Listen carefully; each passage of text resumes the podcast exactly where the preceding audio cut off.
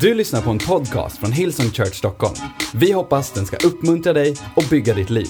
För att få mer information om Hillsong och allt som händer i kyrkan, gå in på www.hillsong.se. Hey, it's so good to be here. And if you're sitting up there in the royal boxes, man, you have got a good seat. Look at you guys. You look amazing. You look pretty. Uh, I cannot see you, but I speak in faith and believe uh, that what I'm speaking is the truth. But, you know, I was reading this verse the other day in John 4 where Jesus, he's standing at the well with the woman at the well, and he says to his disciples, he goes, Don't you have a saying? Don't you have a saying? It's four months to harvest. And he goes, Open your eyes, look around. You know, it is it is harvest time right now. And I was thinking about this question that Jesus he asked, Don't you have a saying? Isn't it funny we all have sayings? We all have sayings that we tell ourselves, sayings that we entertain ourselves with, and we all learn sayings different ways. Some of us, we have sayings that get passed down in families. You know, we say things, and you, have you ever heard yourself say something and you realize you're just quoting your parents? you're saying things that your mom used to say. You're saying things your dad used to say. You say things that your mother in law, I mean, used to say. I mean, and you're saying things that you said you would never say. And you're like, why are you saying that? It's like, well, my mom always used to say this. Or we have sayings that we learn through experience. We, maybe, maybe you've been hurt. Maybe you've gone from relationship to relationship, and suddenly you develop a saying. And we have these sayings, or maybe someone taught it to you. Maybe it's in a church setting, school setting, culture has taught you. But I wonder if you've ever stopped up and with the Word of God in your hand, actually assessed and challenged some of these sayings. And actually challenged some of the things that we tell ourselves again and again. I mean, we say things like, This always happens to me. Does it really? Does it, does it always happen to you? I mean, something bad happens and then something else bad happens, and then you're like, Well, bad things come in threes. Really? Like, why, why are you saying that? I mean, we are, we are still of the belief that it will only be a matter of time before churches like ours, we own buildings in the center of the cities in Scandinavia. We still believe that. We still believe that the time will come where we're not going to bounce around and jump around from building to building, hoping that we can stay here longer than a few months. No, we actually believe that one day will come where we can permanently move in. And people have sayings like that will never happen. Why? Why will that never happen? We have these sayings. I, am a, I'm a uh, passionate supporter of football. What, what team? It doesn't matter right now uh, because we're focusing on Jesus. But, you know, one of the things that you often hear commentators say is, well, this, this player is in a slump at the moment. This player is going through a bad, you know, bad streak at the moment. This player, you know, he is in a scoring slump. And it always occurs to me that it's a funny way of looking at sport. Because really, what happened last game says nothing about this game. Actually, the only thing that connects last game with this game is what you tell yourself in between. The only thing that connects me to what has happened in the past is what I tell myself in the meantime. If I've had a bad game and then I walk out and say, Well, I'm in a bad steam, I'm in a bad slump, I'm in a bad slump, I'm in a bad slump, and I'm slowly degrading my confidence. Yes, I now step into a game with no confidence. I step up to the ball with no confidence, and now it becomes a self fulfilling prophecy. I wonder what you tell yourself. I wonder what conversations you have with yourself. You see, when bad news occur, when bad things happen to seemingly good people, what you tell yourself is very important. What conversations you have is very important because when bad things happen, and we gotta, we gotta face reality, bad things happen to good people. Even though I think that whole saying is very funny, but people always ask, how come bad things happen to good people? I'm always like, who are these good people? like, I haven't met them. I look around, I go, I haven't met him. I look in the mirror, I go, I definitely haven't met him. Why do bad things happen to good people? I think the big mystery is how come so much good happens to so many bad people? I think that's the grace of God. And but you know, we, we, we go through these seasons, and for me, um, you know, for me, the big the big moment, one of the big moments was November 2011. My dad called me. I was living in Australia at the time, and my dad called me and he told me that my 39 year old brother had been in a car crash and had passed away. He had been married for six months at the time, so newlywed.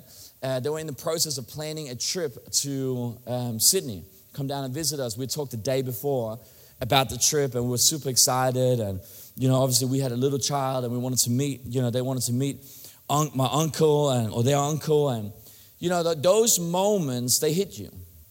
Those moments hit you. That's 2011. That's eight years ago. If if you want to have a more recent example in my life, um, I'm wearing an I'm wearing a bracelet up here. I don't know if you can see it. It's the color green, and the color represents the type of cancer my 23 year old niece she's fighting at the moment. She's going through chemo, and right now we're just waiting on the latest scan to see whether she needs any more chemo or whether she has to go through radiation, which we're praying she will not. And you know, when you get those news, what you tell yourself is very important. When you get that news, the other thing that's important is who you go through it with. This one, this bracelet, it says, No one fights alone. And that's what I love about church. I love about a local church is that no one fights alone. That you don't have to suffer in silence. You don't have to suffer alone. You don't have to go through this on your own. That if you would just dare to drop the mask, if you would dare to stop pretending that everything is okay and just go, hey, I'm hurting. Hey, I'm, I'm in pain right now, and it's okay. We're not scared off by your pain. We're not scared off by your battle. We will say, hey, join the club.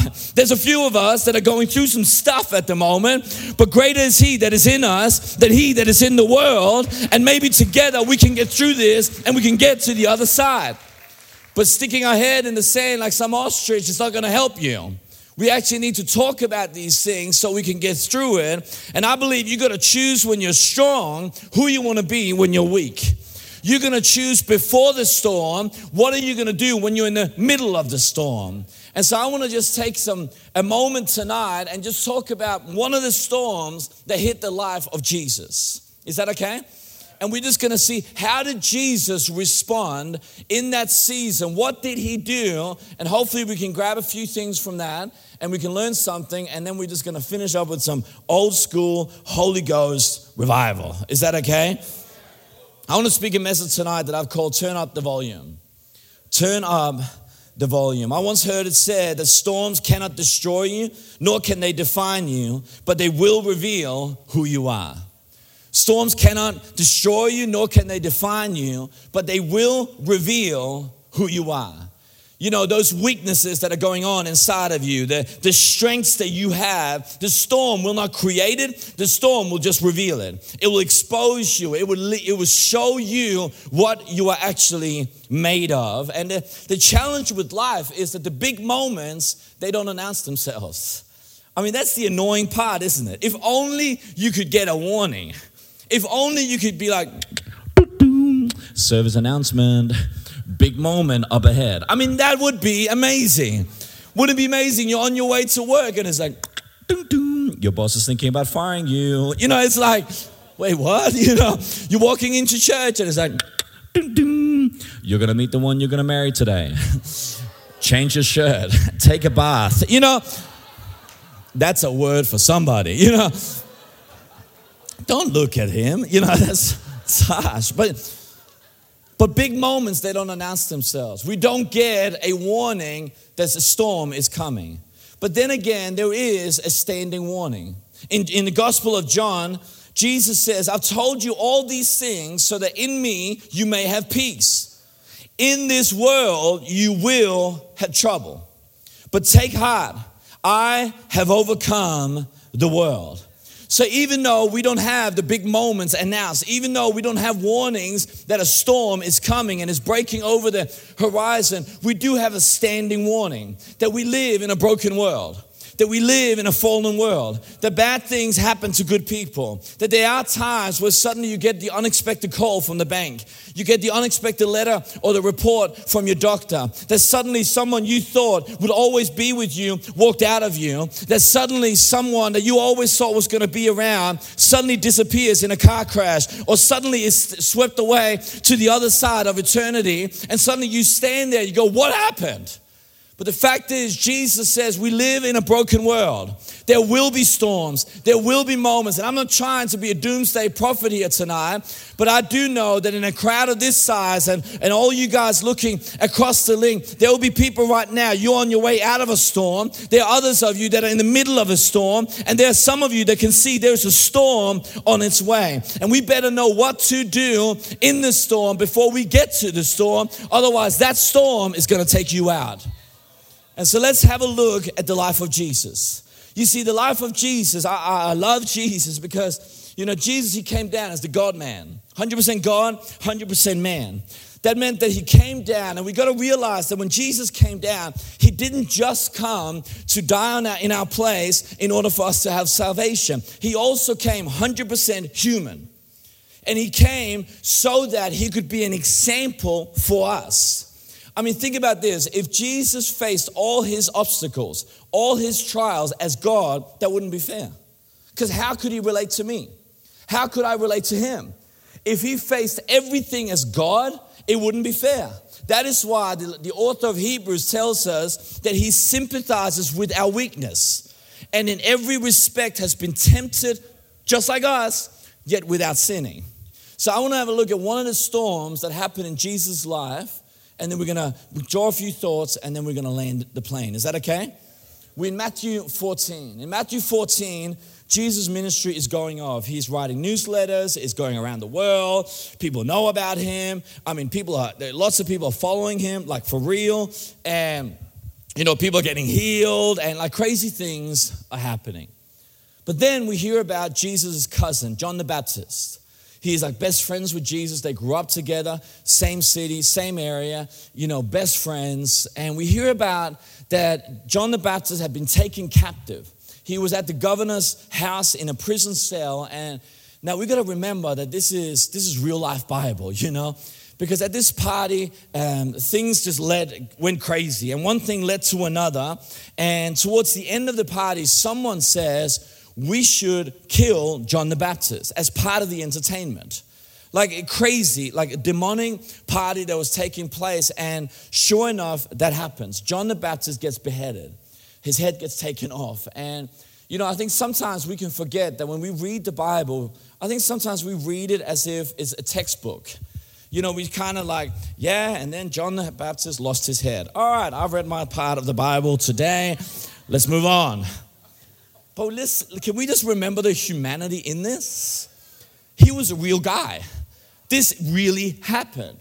And so we pick up the story in Matthew 14 when the news gets to Jesus. Remember, this is his best friend, this is his cousin, and we hear about the story in Matthew 14, verse 13. It says, When Jesus got the news, he slipped away by a boat to, for, to an out of the way place by himself. Let's just pause here for a second. A side note when the storms happen in life, I think one of the things that you can be tempted to do is to detach yourself from reality.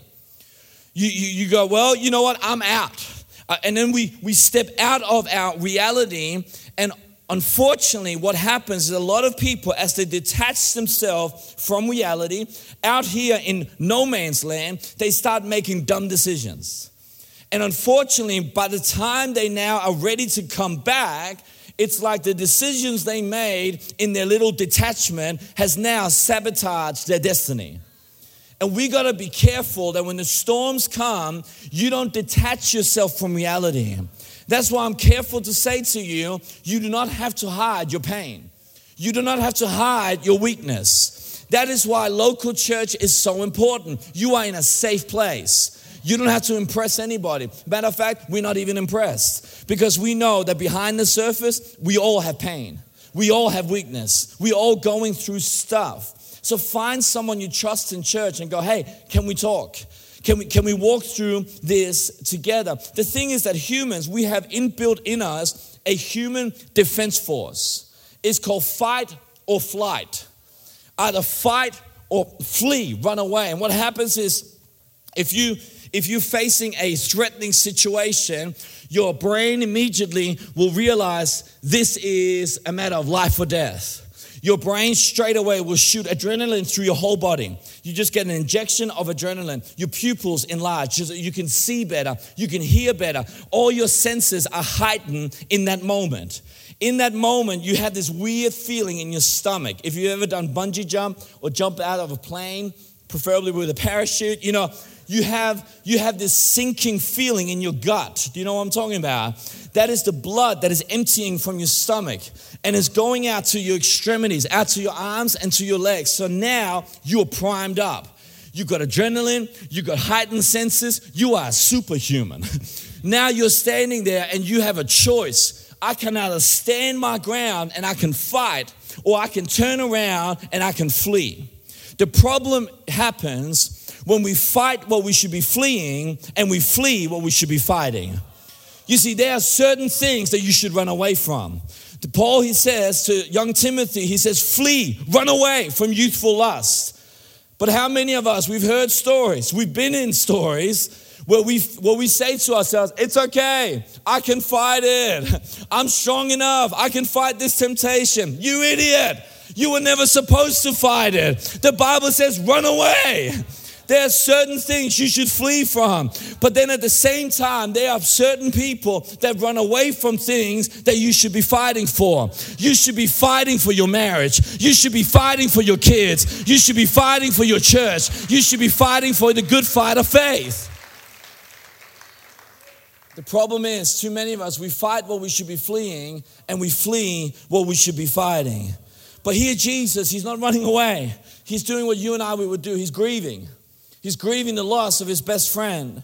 And it says that he got, he slipped into an out of the way place by himself, but unsuccessfully. Someone saw him and the word got around. Soon, a lot of people from the nearby villages walked around the lake and where he was. And when he saw them, he was overcome with pity and he healed their sick.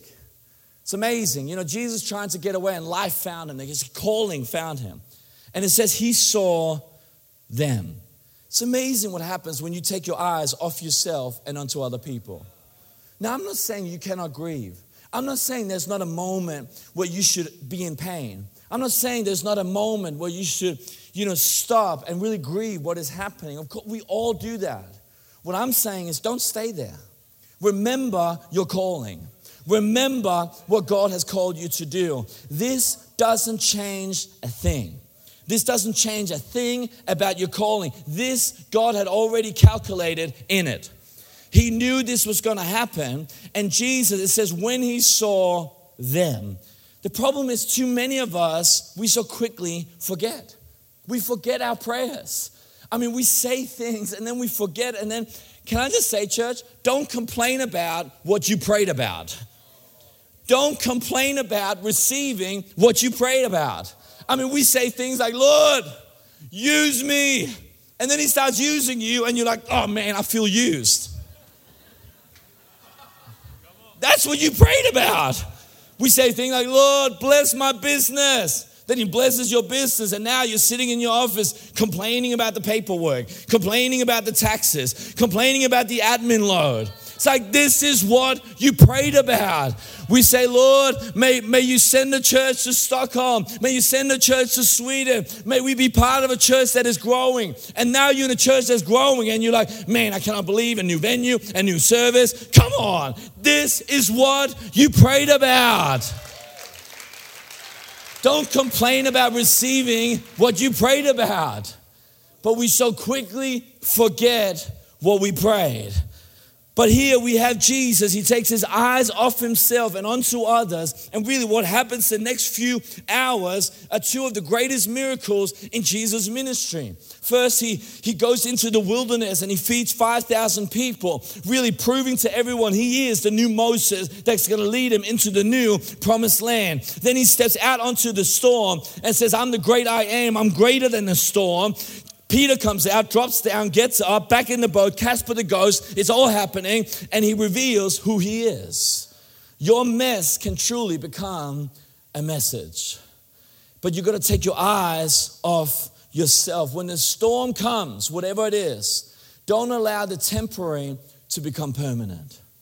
Do not allow the temporary, do not make a temporary season become permanent. Isn't that what we do? We get hurt and it's like, well, I'm hurt, I'm a victim.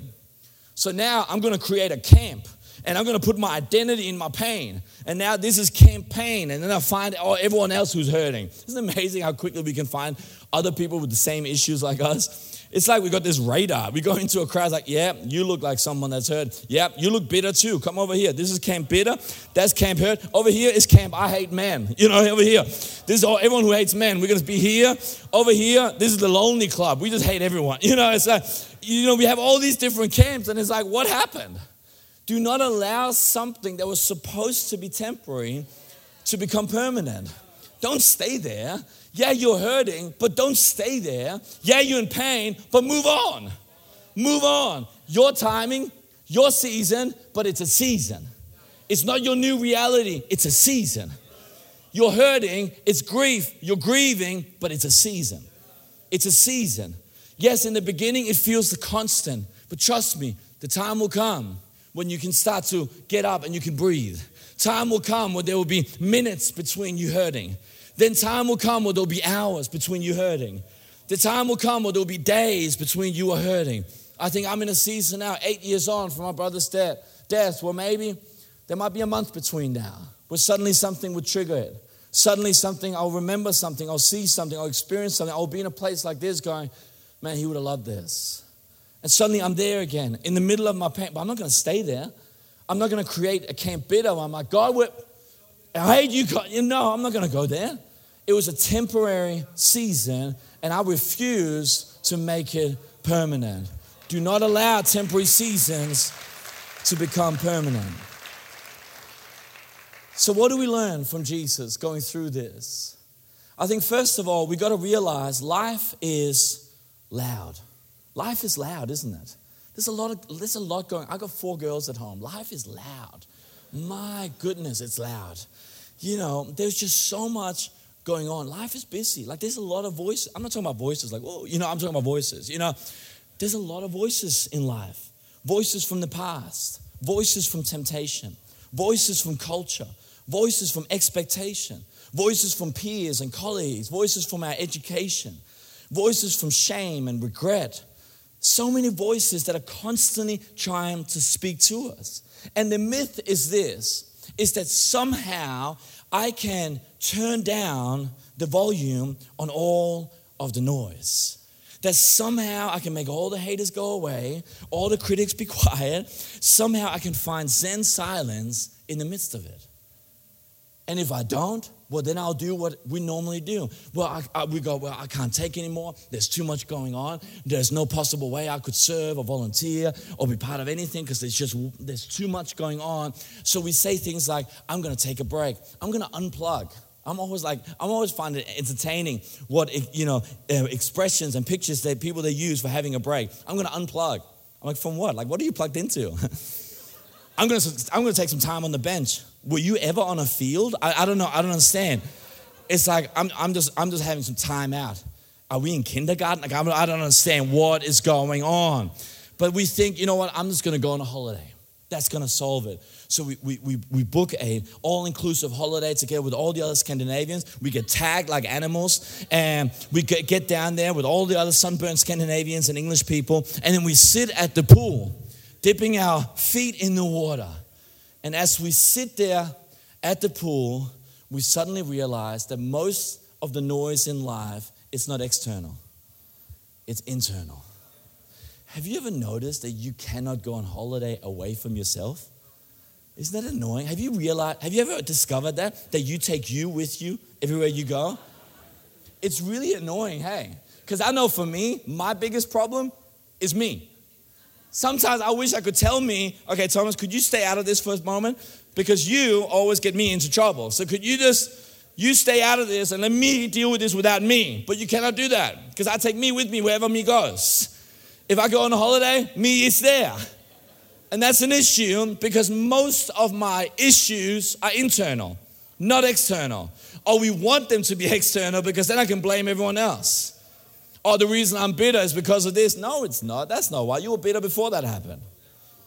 Oh, the reason I don't trust God is because of this. That's not why. It's just because you actually don't have a revelation of God yet. We, we like to blame everything around us, but really, our biggest issue is internal. And we've got to learn what do we do with the noise on the inside. Have you ever been in a cafe and someone brings in a noisy baby? And you sit there and you're like, oh. I got three noisy kids, right? And one of them is here tonight, so I'm not going to say too much. Actually, she's over a kid, so it's fine. Um, but I remember our first, our firstborn. I, I remember sitting in a cafe with her when she was just a six months old nugget, and she was loud. Like it was one of those moments. If you're a parent, you know what I'm talking about. It was one of those. There's a dad like that straight away. I get it. You know, there was one of those moments where she just wouldn't be quiet. And I'm thinking about every book I've ever read about parenting because I read a lot of books on parenting. And and you know, I'm, I'm thinking about it, and I'm like, okay, what do I do? Do I do this? Do this? And nothing worked. And you realize as a parent, and if you're not a parent yet, let me just tell you, a moment will come where you cannot do anything about it. You know, those moments are there just to destroy your confidence, okay? So that you will turn to Jesus, okay? That's all that moment is there for. And I remember sitting in a cafe with, with my little girl. She was screaming, and people were judging me. I could hear them going, You're unfit to be a dad. You don't do, they didn't say that, but it felt like it. And in the end, this is true. In the end, I lifted her up like Simba over Pride Rock so that she was facing everyone else in the cafe, screaming ahead of. And I go, I cannot make her go quiet. And I put her down again. Have you ever sat at a plane and there's someone else screaming, someone else's child, and you're sitting there going, Come on, like be quiet. And you realize it doesn't matter how angry you get, it's not gonna make the, make the baby be any less loud. But isn't that what most of us we do as Christians? We spend all our energy wasting it on everything we are against rather than what we're for. We spend all our energy against this, and we, oh, this is not good about our culture, and this is not good about our nation, and this is not good about amongst our politicians. And people come to us as pastors and preachers and say, You should be talking against this, and you should be talking against that. I would rather have a church where we are known for what we are for rather than what we are against. I would rather pastor a church where we are known that we are for people, we are for love, we are for the hurting, we are for the broken, we are for the isolated, we are for the outcast, we are for the strangers, we are for the foreigners, rather than what we are against. Yet, so many times, this is how we find ourselves in life. So now, when I get on a plane, I realize I cannot control everyone else's noise. I cannot control what is coming against me of volume and noise. What I can do though is put on these bad boys. Because I might not control the noise around me, but I can choose what I want to listen to. I can choose what the input in my life is going to be. It says in Matthew 14, as soon as the meal was finished, Jesus insisted the disciples get in the boat and go on ahead to the other side. And while he dis- dismissed the people and with the crowd dispersed, he climbed the mountain so he could be by himself and pray. And he stayed there alone late into the night. You see, these are not just headphones, these are what's called noise canceling headphones. If I get the team to come and join me, that would be awesome. That's the worship team, by the way. There's a lot of teams in this church. Suddenly you have like the host up here handing out containers. It's awkward. You see, noise canceling headphones was first invented for helicopter pilots. And they have, they have batteries in them because what's inside is a microphone. And the microphone will pick up what is the sound wave of the noise around you. And what a noise canceling headphone does is that it doesn't cancel out the noise, as in it turns off the volume. It doesn't turn off the noise. What it does is that it listens to the noise. And then it will create a counter noise with the same volume and with the same sound waves in order to cancel out the noise inside of your head. And I think when it comes to us as Christians, it's not about fighting to silence all the negative voices around us. There are times where you got to fight for your space. But you got to decide I might not be able to silence every single noise around me, but what I can choose is that I can choose, I'm gonna listen to a different noise. I'm gonna live, listen to a different voice. I'm gonna choose that I'm gonna have a different input. When my past comes knocking, I don't have to pick up the phone. When my temptation comes knocking, I don't have to go down that road anymore because I'm choosing what my input is going to be. But you gotta fight for it. It says that Jesus, He sent the crowd away. The crowd didn't say, Jesus, you've had a long day. Maybe you should take some time off right now. The crowd never does that. They still don't. No, Jesus had to say, All right, guys, it's time to go home. Or Jesus, just one more question. Nope, time to go home. Just one more prayer. Time to go home. We'll deal with it in the morning. I need to have some input now. You guys, you go. And it says he climbed the mountain so that he could be with his Father in heaven. He could spend some time in the presence of God and get some input. I don't know what it's like in your family, but I got to fight for our space. Your kids might be right, but my kids, they don't come to, my, to Kat and me and go, Father, Mother, we can see that you need some time in the Word of God. So we're going to give you half an hour now of peace and quiet. We're going to retreat to our rooms and we're going to be quiet. Not the kind of silence where you think we're killing each other and breaking something. We all know that silence. No, no, no. We're going to make our homework and then we're going to study the Word of God while you have a cup of tea, have a cup of coffee, and you read the Word. No, that's not how it works in my family. I got to gaff tape my kids to the floor. I mean, I, I, in order for me to get some silence, my goodness, dear Lord, help me. You know, you got to fight for it. You got to fight for it. And I'm telling you right now, if you don't choose your input, everyone else will. If you don't choose what you listen to, your colleagues will tell you what you should think about church. If you don't choose your input, your parents will tell you what you should think about church. If you don't choose your input, your ex girlfriend's gonna tell you what you should think about church. If you don't choose your input, everyone else, culture will tell you, society will tell you, the world will tell you what you should think about church. You gotta fight for it. I think about Daniel. Daniel in the Old Testament, it says that a crazy law had started. I don't know what it is about these kings and governors. Power corrupts, man. And like this king, he sent out this law that says, if you don't worship me, I'm gonna kill you. I mean, that's crazy. like seriously, that's crazy.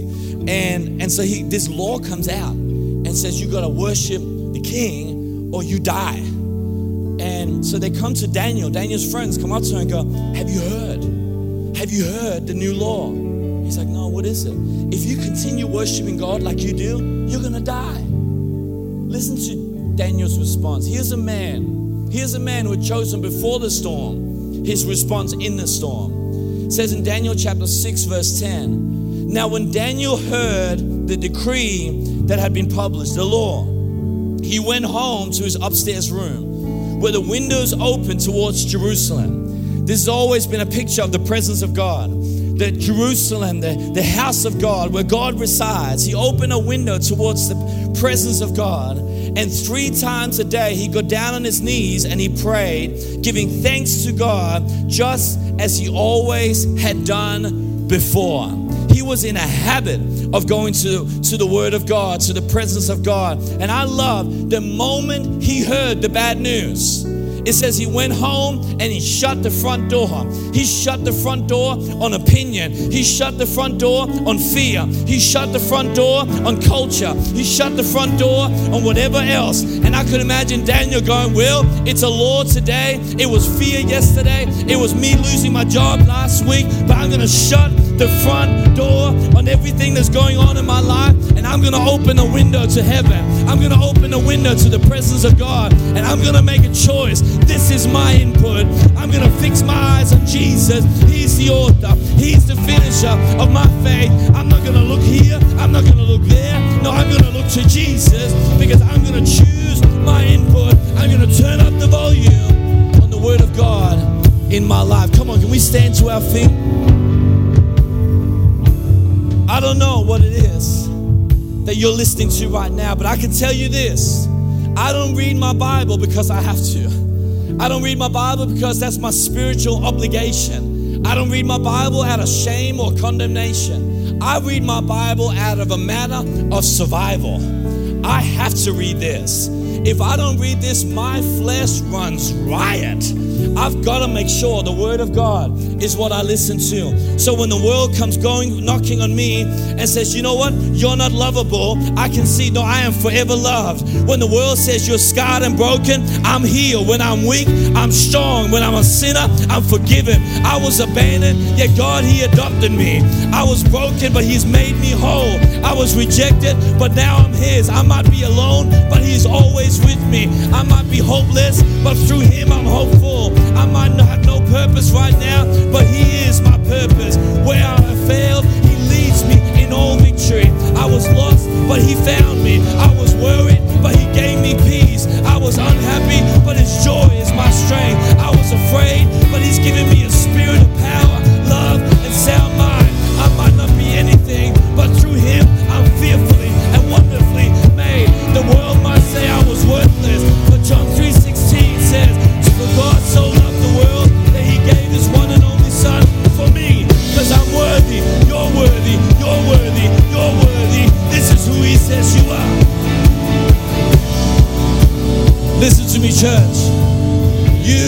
are not your job.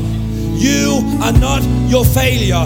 You are not your promotion. You are not your paycheck. You are not your title. You are not your education. You are who God says you are. So you fall, get up again. So you fail, get up again. So you're broken, get up again. So you're hurting, get up.